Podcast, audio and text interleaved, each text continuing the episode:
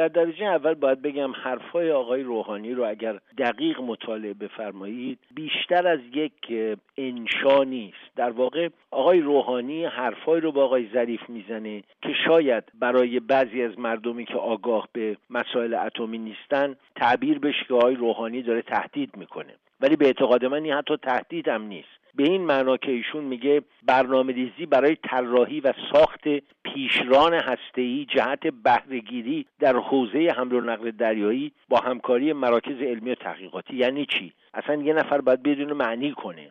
ساخت پیشران هسته یعنی چی؟ یا مطالعه طراحی تولید سوخت مصرفی پیشران هسته ای طبیعی است ایران الان یک برنامه هسته‌ای صلحآمیز داره برای تولید سوخت. کار دیگه ای نمی‌تونه بکنه. تعهدات ایران بر پایه برجام به ایران اجازه نمیده. اولا تعداد سانترفیوش ها رو از اون تعداد مورد قبول قرارداد بالاتر ببره. نکته بعدی میزان غنی شدن از سه و نیم درصد بالاتر نباید بره. در یه موارد استثنایی تا پنج درصد هم می‌تونه. ولی مقدارش بسیار کمه. بنابراین باز تولید غنیسازی در حد 20 درصد امکان پذیر نیست. نیاز به یک برنامه یک ساله داره و جمهوری اسلامی نه پولشو داره نه امکاناتشو در این شرایط دست به این کار بزنه.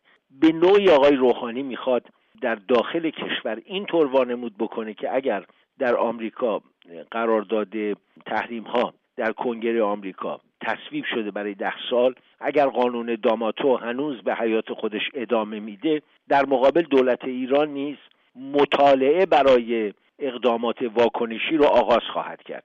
این مطالعه می‌تونه به پایان ریاست جمهوری آقای روحانی برسه نه چند ماه دیگر حتی اگر ایشون مجددا انتخاب بشه چون دولت ایران گزینه های زیادی در برابر نداره. به اضافه اینکه قانونی که کنگره تصویب کرده و رئیس جمهوری هم به احتمال زیاد امضا خواهد کرد هیچ ربطی به برنامه اتمی ایران نداره.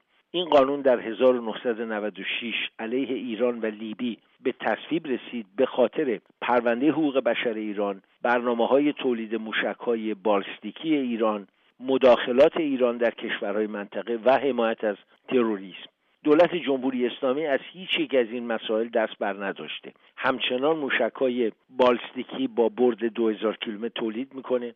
در عراق سوریه یمن به طور گسترده دخالت می‌کنه. از حزب الله و سازمان های اصحاب اهل حق جهاد اسلامی و این نوع سازمان ها که در غرب تروریستی خطاب میشن در امریکا هم همینطور از اینا حمایت می‌کنه و پرونده حقوق بشرش هم روز به روز بدتر میشه. بنابراین هیچ نوع تغییری وجود نداره تا قانون داماتو لغو بشه.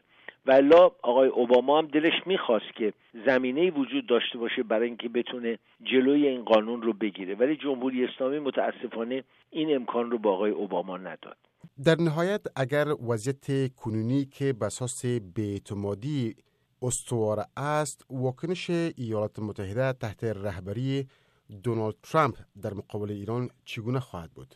ببینید آقای ترامپ یکی از اصول اولیه سیاستش رو تفاهم با روسها اعلام کرده. روسها به هیچ وجه نمی‌خوان قرارداد اتمی به هم بخوره یا ایران از این قرارداد بیرون بیاد.